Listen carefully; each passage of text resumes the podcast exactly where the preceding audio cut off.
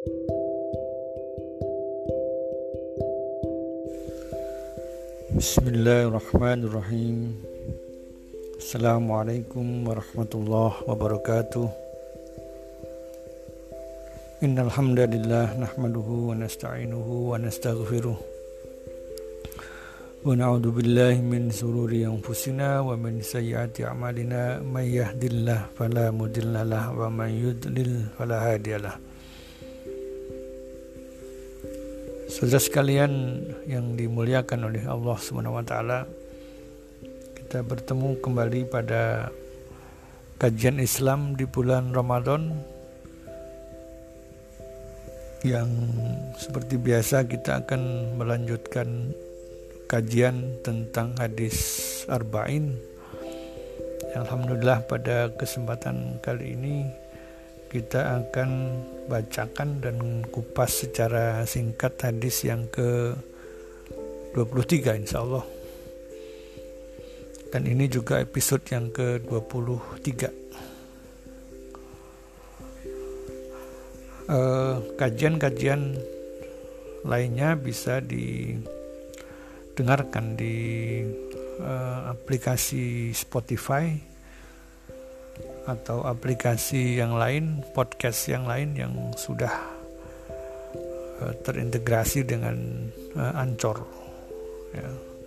Mudah-mudahan uh, apa yang sudah dirangkum di sana bisa memberikan uh, pencerahan buat kita dan meningkatkan kualitas keimanan kita ya, buat saya sendiri dan juga buat saudara-saudara sekalian yang dimuliakan oleh Allah Subhanahu wa taala. Baik eh, saudara sekalian yang eh, dirahmati oleh Allah Subhanahu wa taala, hadis yang akan saya bacakan atau yang akan kita eh, bahas pada malam hari ini ya, malam yang ke-21 di bulan Ramadan. Eh, hadisnya tidak terlalu panjang tetapi eh, berisi ada delapan hal yang menjadi esensi dari kehidupan seorang muslim. Nah, sehingga bisa dikasih judul kajian pada malam hari ini adalah mutiara kehidupan seorang muslim ya. Karena ketika uh, kita bisa mengamalkan apa yang diperintahkan dinasihatkan dalam hadis ini itu adalah perhiasannya. Itu adalah perhiasan-perhiasan iman yang uh, insya Allah kita akan mendapatkan balasan yang uh, luar biasa dari Allah Subhanahu Wa Taala. Uh, baik saya bacakan hadisnya. An Abi Malik Al Haris Ibnu Asim Al As'ari radhiyallahu an. Qala qala Rasulullah sallallahu alaihi wasallam At-tuhuru satrul iman Walhamdulillah himla il mizan. Wa subhanallah walhamdulillah. Tamlu au tamlani ma bainas samawati wal ardi. Was salatu nurun was sadaqatu burhanun was sabru diyaun. Wal qur'anu hujjatun laka au alaika kullun nasi yagdu fabai'un nafsahu famu'tikuha au mubikuha. Dari Abu Malik Al Haris bin Asim Al Asyari radhiyallahu an berkata Rasulullah SAW bersabda bersuci itu sebagian dari iman. Alhamdulillah itu memberatkan timbangan Subhanallah walhamdulillah memenuhi ruang antara langit dan bumi. Kemudian solat itu adalah cahaya, sodakoh itu adalah bukti nyata, sabar itu adalah pelita, Al-Quran itu adalah hujah yang membela dan yang menghujatnya, dan setiap manusia bekerja sampai ada yang menjual dirinya hingga ia menjadi merdeka atau bahkan menjadi celaka. Hadis riwayat Muslim. Jadi uh, kita bisa nilai bahwa hadis ini berisi hal-hal uh, yang esensial, hal-hal yang sangat penting bagi kehidupan seorang Muslim. Ya, berisi nasihat yang padat, ya, kata perkatanya memiliki makna yang dalam, yang uh, tentu membahas hadis ini mungkin butuh waktu yang lebih lama ya, dibandingkan dengan hadis-hadis yang lain. Ya, karena demikian padat uh, kandungan isinya. Baik uh, saudara sekalian yang dirahmati oleh Allah kita akan coba uh, satu persatu bahas meskipun dengan uh, pembahasan yang singkat ya tidak tidak panjang lebar ya karena ada banyak hal. Ada delapan uh, poin utama yang akan kita bahas pada kesempatan kali ini. Yang pertama adalah uh, bahwa bersuci itu bagian dari iman. Ya tentu dalam konteks ibadah uh, uh, sholat ya kemudian uh, tilawah Quran atau memegang mushaf Al Quran ya itu uh, mensyaratkan bahwa badan kita pakaian kita itu suci dari hadas ya suci dari hal-hal yang bisa membatalkan kita suci dari hal-hal yang bisa uh, apa namanya membuat kita uh, harus berwudu lagi. Ada hadis juga yang mengatakan bahwa bersuci itu separuh dari iman. Jadi uh, pahala yang diperoleh orang yang bersuci itu adalah separuh dari iman. Ya, yang kedua, iman yang dimaksud di sini adalah sholat. Nah, jadi ketika kita hendak sholat kemudian kita awali dengan bersuci dengan berwudu maka insya Allah kita sudah mendapatkan separuh ya, pahala dari uh, sholat.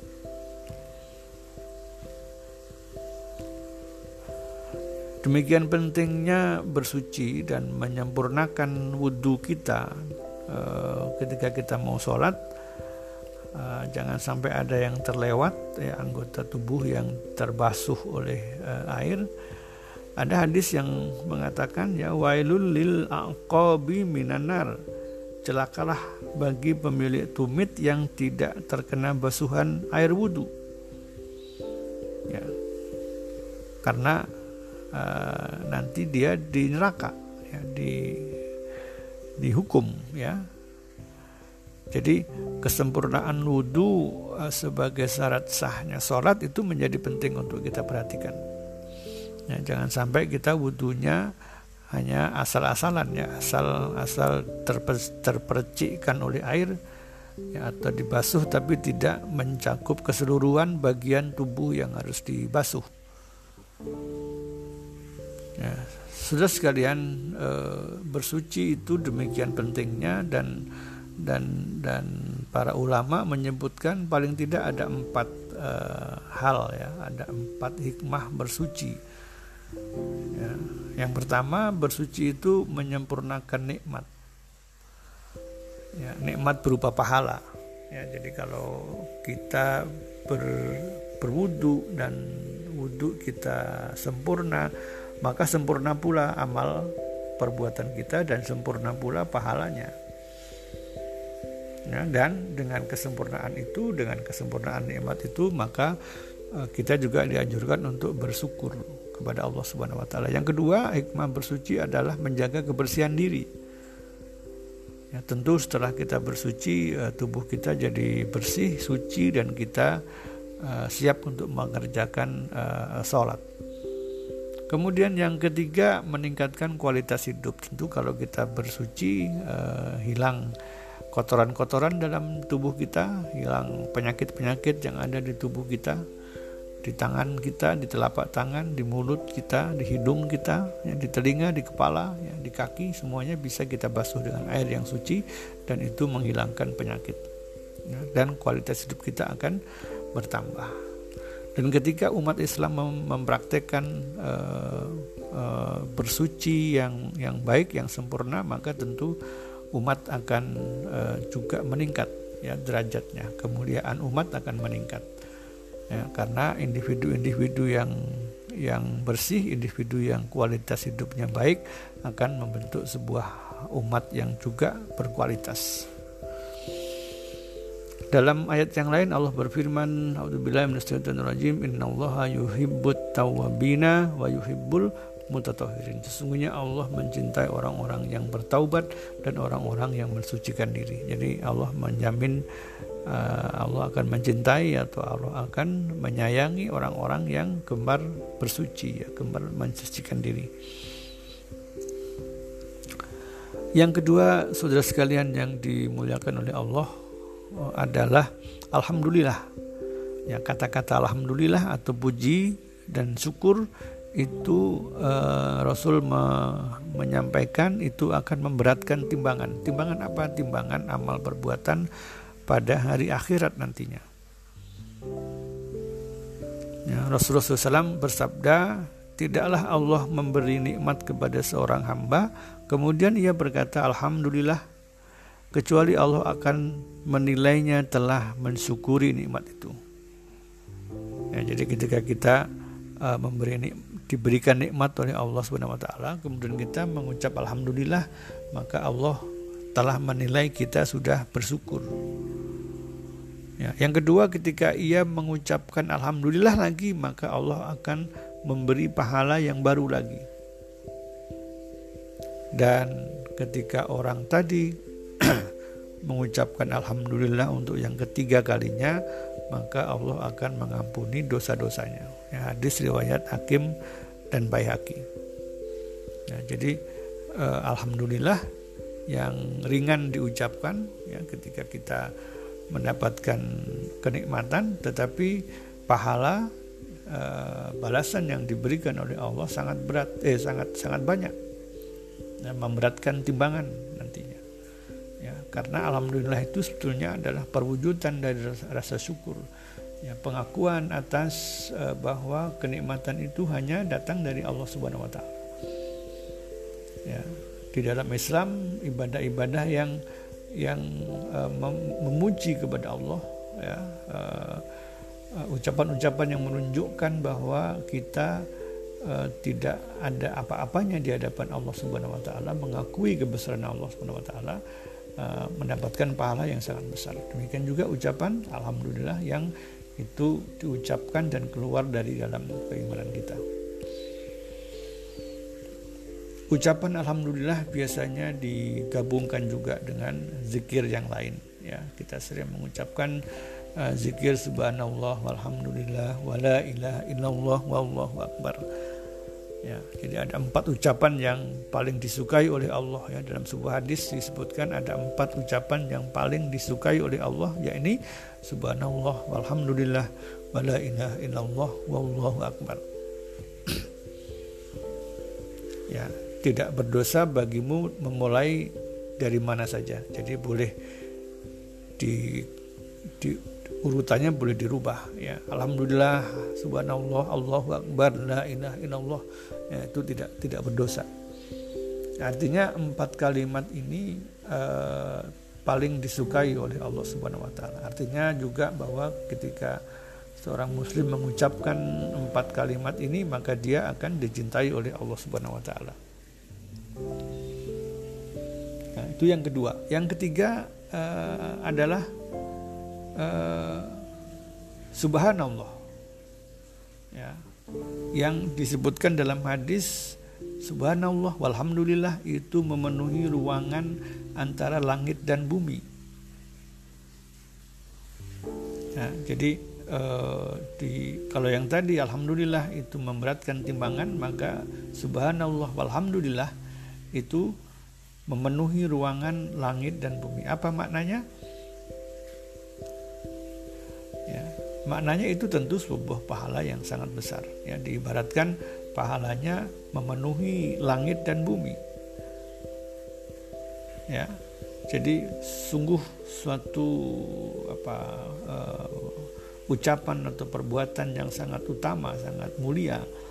Ya, karena dalam ucapan ini, dalam kalimat ini terdapat penyucian kepada Allah, mensucikan Allah Subhanahu wa taala dan kemudian mengakui ke kebutuhan manusia terhadap uh, pertolongan dari Allah Subhanahu wa taala. Ya, Rasulullah SAW bersabda, barang siapa membaca subhanallah wa bihamdih 100 kali dalam sehari, maka dihapus kesalahan-kesalahannya meskipun kesalahan itu sebanyak buih di lautan. Ya, jadi uh, bukan main ya. Uh, ucapan subhanallah alhamdulillah itu sangat sangat besar uh, pahala dari uh, Allah Subhanahu wa taala. Ada hadis lain yang agak panjang saya bacakan riwayat Ahmad ya. Sungguhnya Allah telah memilih empat perkataan. Ya, tadi sudah kita bacakan subhanallah, alhamdulillah, wala ilaha illallah, wallahu akbar. Barang siapa yang mengucapkan subhanallah maka Allah akan menulis 20 kebaikan baginya dan menggugurkan 20 dosa darinya. Ya, jadi ketika kita mengucapkan subhanallah dengan uh, keimanan dengan tulus maka Allah akan menuliskan 20 kebaikan dan menggugurkan 20 kebaikan. Dan barang siapa yang mengucapkan Allahu Akbar maka Allah akan menulis seperti itu juga Ya, jadi sama akan uh, menuliskan 20 kebaikan dan menggugurkan 20 kesalahan. Kemudian juga ketika orang mengucapkan la ilaha illallah maka sama seperti itu juga. Ya, 20 kebajikan dan di, digugurkan 20 dosa. Yang terakhir barang siapa yang mengucapkan alhamdulillahirabbil alamin dari relung hatinya maka Allah menulis 30 kebajikan untuknya dan digugurkan 30 dosa darinya. Nah, jadi uh, alhamdulillahirabbil alamin uh, dibandingkan dengan ketiga kalimat yang lain uh, lebih banyak ya pahala kebaikan yang kita akan dapatkan dan lebih banyak dosa yang akan di ampuni oleh Allah dengan mengucapkan ya alhamdulillah rabbil alamin. Kemudian hikmah yang keempat atau uh, isi yang keempat dari hadis yang kita bacakan adalah uh, solat. Ya, solat di situ sebutkan solat adalah cahaya. Ya, artinya orang yang melakukan solat dia akan selalu mendapatkan cahaya atau hatinya selalu bersinar ya maka ketika hatinya bersinar akan terpancar dalam wajahnya wajahnya juga akan bersinar. Ya, salat adalah cahaya bagi orang-orang mukmin nanti di akhirat. Ya, di, di dalam surat al-hadid Allah berfirman yaitu pada hari ketika kamu melihat orang mukmin laki-laki dan perempuan sedangkan cahaya mereka bersinar di hadapan dan di sebelah kanan mereka Nah, jadi orang-orang yang mukmin yang sudah pasti melakukan sholat maka di hari kiamat e, wajahnya akan bersinar. Nah, dalam surat Al-Baqarah disebutkan was-shalah wa innaha lakabiratun illa 'alal khashiin dan mohonlah pertolongan kepada Allah dengan salat dan sabar dan salat itu sungguh berat kecuali bagi orang-orang yang kusuk. Ya, jadi memang uh, uh, untuk mendapatkan cahaya ya, itu butuh butuh uh, pengorbanan, ya, butuh niat yang tulus dan kemudian uh, melaksanakan dengan uh, niat yang ikhlas. Ada sebuah hadis yang juga uh, uh, isinya mirip dengan hadis yang pertama kita bacakan, yakni Artinya siapa yang menjaga sholatnya maka dia akan mendapatkan cahaya, petunjuk dan keselamatan pada hari kiamat. Ya, sedang siapa yang tidak menjaga sholat maka dia tidak akan mendapatkan, mendapatkan cahaya. Ya, dia tidak akan mendapatkan petunjuk dan dia tidak akan mendapatkan keselamatan ketika dia tidak bisa menjaga sholatnya. Dan pada hari kiamat nanti dia akan dikumpulkan dengan Korun, dengan Fir'aun, dengan Haman, dengan Ubay bin Khalaf. Ya, itu orang-orang uh, yang kafir semuanya, ya orang-orang munafik. Ya, naudzubillah min dalik. Yang kelima uh, hikmah dari hadis yang kita bacakan adalah uh, sodakoh. Disebutkan di hadis tadi di awal sodakoh itu merupakan bukti, ya, merupakan uh, perwujudan dari keimanan kita kita pernah membahas bahwa uh, tidak sempurna iman kalian ketika tidak mencintai uh, saudaranya seperti mencintai diri sendiri. Dan salah satu perwujudan di situ adalah sodako. Ya memperhatikan memenuhi kebutuhan saudara kita itu sodako. Ya. Jadi ketika kita sudah bisa menerapkan sodakoh dengan ikhlas maka itu adalah bukti keimanan seseorang. Karena pada pada hakikatnya manusia tidak akan mau memberikan cuma-cuma harta yang dia cari dengan susah payah kepada orang lain. Ya tanpa ada balasan. Ya balasannya dari Allah Subhanahu wa taala.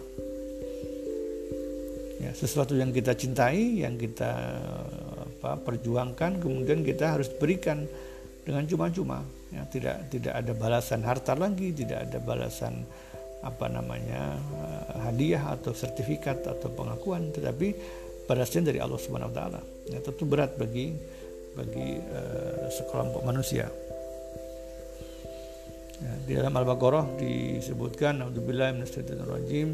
Ya masalul ladzina yunfikuna amwaluhum fi sabilillah kama habatin ambatat sab'a sanabila fi kulli sumbulatin mi'atu habbah.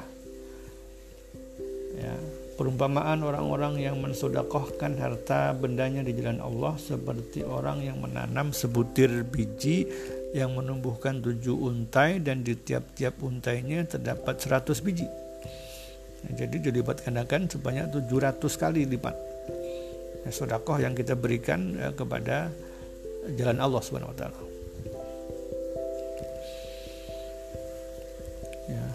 Nabi SAW meriwayatkan atau menasihatkan kepada kita beberapa hadis yang menunjukkan bahwa sodako itu tidak berat. Ya, bahkan Rasulullah SAW me me menyampaikan bahwa kamu menyingkirkan batu, kamu menyingkirkan duri, menyingkirkan tulang dari tengah jalan yang uh, mengganggu orang berjalan atau bisa membahayakan orang itu adalah sodako. Ya, di hadis yang lain senyummu kepada saudaramu adalah sodako. Ya, Rasulullah meyakinkan juga dalam sebuah hadis bahwa harta tidak akan berkurang dengan sodako. Ya, jadi perkiraan orang bahwa harta akan berkurang karena sodako itu tidak benar. Ya, Rasulullah menjamin bahwa harta tidak akan berkurang dengan sodako ya, dan seorang hamba yang pemaaf pasti Allah akan tambahkan kewibawaan baginya. Ya, juga di dalam hadis yang lain sodako itu bisa menghapus dosa sebagaimana air memadamkan api. Jadi banyak sekali saudara sekalian yang dimuliakan oleh Allah manfaat dan uh, balasan bagi sodako ya. Sodako yang kita uh, berikan kepada kepada saudara kita kepada orang lain kepada orang yang berhak menerimanya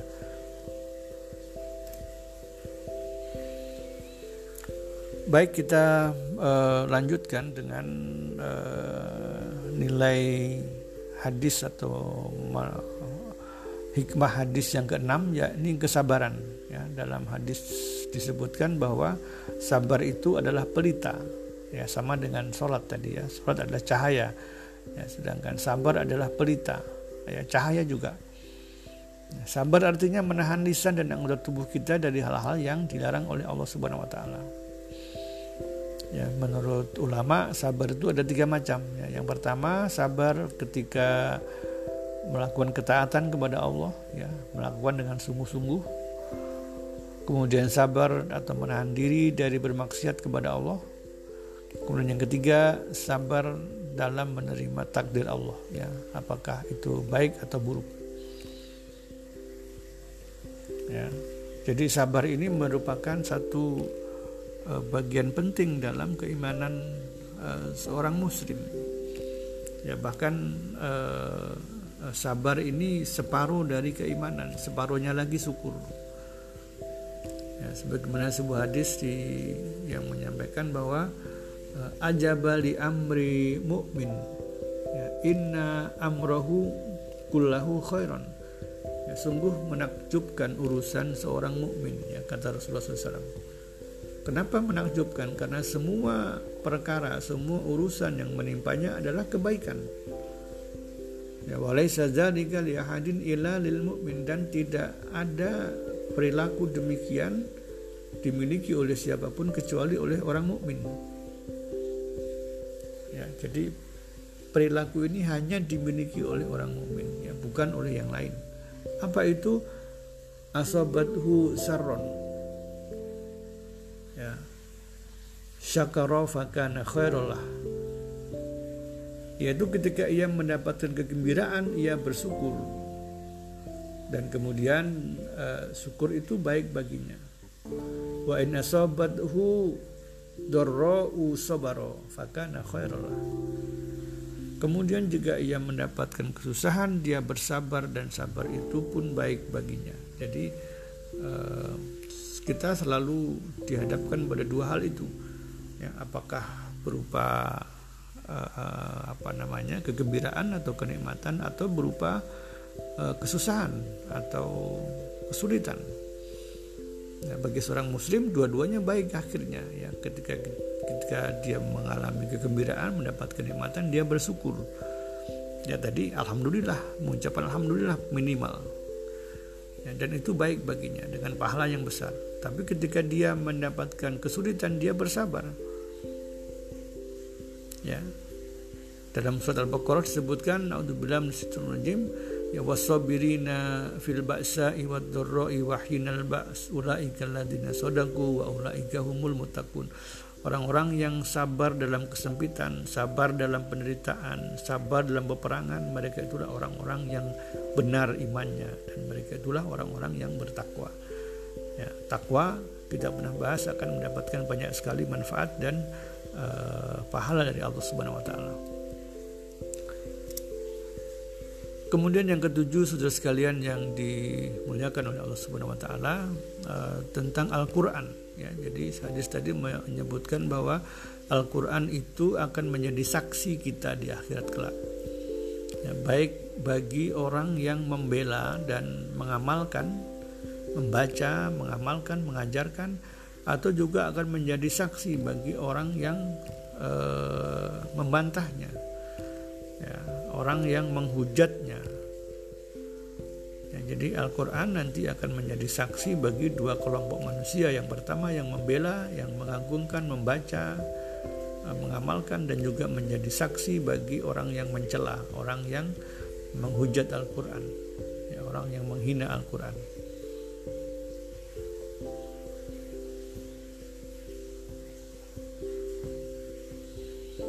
Ada hadis yang eh, apa namanya saya bacakan hadisnya panjang terjemahannya. Uh, Rasulullah SAW bersabda bacalah Al-Quran karena Al-Quran itu akan datang pada pada hari kiamat sebagai syafaat ya sebagai syafi sebagai pemberi syafaat bagi yang membacanya. Ya, bacalah juga Az-Zahrawain ya dua surat cahaya yakni Al-Baqarah dan Ali Imran karena keduanya datang pada hari kiamat nanti seperti dua awan atau seperti dua cahaya matahari atau seperti dua ekor burung yang membentangkan sayapnya yang bersambung dengan satu yang lain dan akan menaungi kita pada hari kiamat yang eh, panas. Ya, kemudian akan menjadi pembela bagi yang rajin membaca dua surat tersebut. Ya, bacalah juga surat Al-Baqarah dengan rutin. Mengambil surat tersebut adalah suatu keberkahan dan meninggalkannya mendapatkan penyesalan. Ya, para tukang sihir tidak mungkin menghafalkannya. Ya, jadi uh, Al-Baqarah diyakini sebagai surat yang bisa uh, me menghilangkan sihir pada tubuh kita. Kemudian juga ada hadis yang mengabarkan uh, bahwa Rasulullah SAW bersabda bagi orang-orang yang membaca atau menghafalkan Al-Quran ya nanti pada hari kiamat orang yang eh, tahfiz Al-Quran akan diminta membaca. Ya bacalah dan naiklah artinya naiklah di tingkatan surga dan bacalah dengan tartil karena tempatmu nanti atau tempat tinggalmu di surga tergantung pada akhir ayat yang engkau baca. Ya, jadi akan mendapatkan kemuliaan tersendiri bagi uh, penghafal Quran ya bagi pembaca Quran ya. Akan disuruh memilih tempat tinggal di surga sesuai dengan akhir ayat yang kita baca ya. Subhanallah. Yang terakhir eh, saudara sekalian yang dirahmati oleh Allah Subhanahu wa taala hikmah dari hadis arba'in yang kita bacakan pada kesempatan hari ini adalah eh, tentang perniagaan dengan Allah Subhanahu wa taala. Tentang upaya atau tentang usaha manusia untuk menyelamatkan diri sendiri di dunia. Ya di dalam hadis tadi disebutkan uh, bahwa ada yang berusaha untuk bisa keluar dari kesulitan uh, dan sampai menjual dirinya ya baik menjual dirinya kepada Allah karena dia merasa bahwa uh, itulah satu-satunya solusi ya dia me, me, mengorbankan dirinya mengorbankan kehidupannya untuk jalan Allah itu seperti menjual dirinya dengan pahala dari Allah Subhanahu wa taala. Ya. Namun ada juga yang menjual dirinya kepada selain daripada Allah. Ya, sehingga ia uh, tidak akan mendapatkan balasan yang baik, ya, tidak dia dia tidak akan mendapatkan uh, penghargaan yang dia inginkan, tetapi justru dia mendapatkan uh, kebinasaan ya, dan kecelakaan. Ya, dalam surat Al-Fatir Allah berfirman, "A'udzubillahi minasyaitonirrajim. Bismillahirrahmanirrahim. Innal ladzina yatluna kitabillahi wa aqamus wa anfaqu mimma razaqnahum sirran wa alaniyah yarjuna tijaratan lan tabur." Ya, liyuwaffiyahum ujurahum wa yajidahum min fadlihi innahu ghafurun syakur. Sungguhnya orang-orang yang selalu membaca Al-Qur'an, membaca kitab Allah, mendirikan sholat, menafkahkan sebagian rizki yang kami anugerahkan kepada mereka dengan diam-diam maupun terang-terangan, maka mereka itu mengharapkan perniagaan yang tidak akan merugi. Ya, jadi ayat ini menganalogikan orang-orang yang uh, beribadah dengan tulus ya dengan ikhlas. Uh, diibaratkan mereka seperti mereka berniaga dengan Allah. Yang perniagaan itu tidak akan pernah rugi ya jadi berdagang yang tidak pernah rugi. Ya Allah akan menyempurnakan kepada mereka pahala mereka dan menambah kepada mereka karunia-Nya. Sungguhnya Allah Maha Pengampun lagi Maha mensyukuri. Ya, demikian uh, saudara-saudara sekalian yang dimuliakan oleh Allah. Bahasan hadis arba'in yang uh, cukup panjang ya tapi mudah-mudahan 8 hikmah ya 8 poin yang tadi kita bahas itu bisa uh, memberikan pencerahan kepada kita menuntun kita untuk bisa selalu istiqomah dalam uh, kebaikan dan meraih takwa dari Allah Subhanahu wa taala. Mohon maaf bila ada kekurangan, uh, kebenaran itu datang dari Allah Subhanahu wa taala. Kita tutup uh, kajian dengan doa penutup majelis subhanaka Allahumma wa bihamdik asyhadu an la ilaha illa anta astaghfiruka wa atubu ilaik. Hadanallahu wa iyyakum wal afu minkum. Assalamualaikum warahmatullahi wabarakatuh.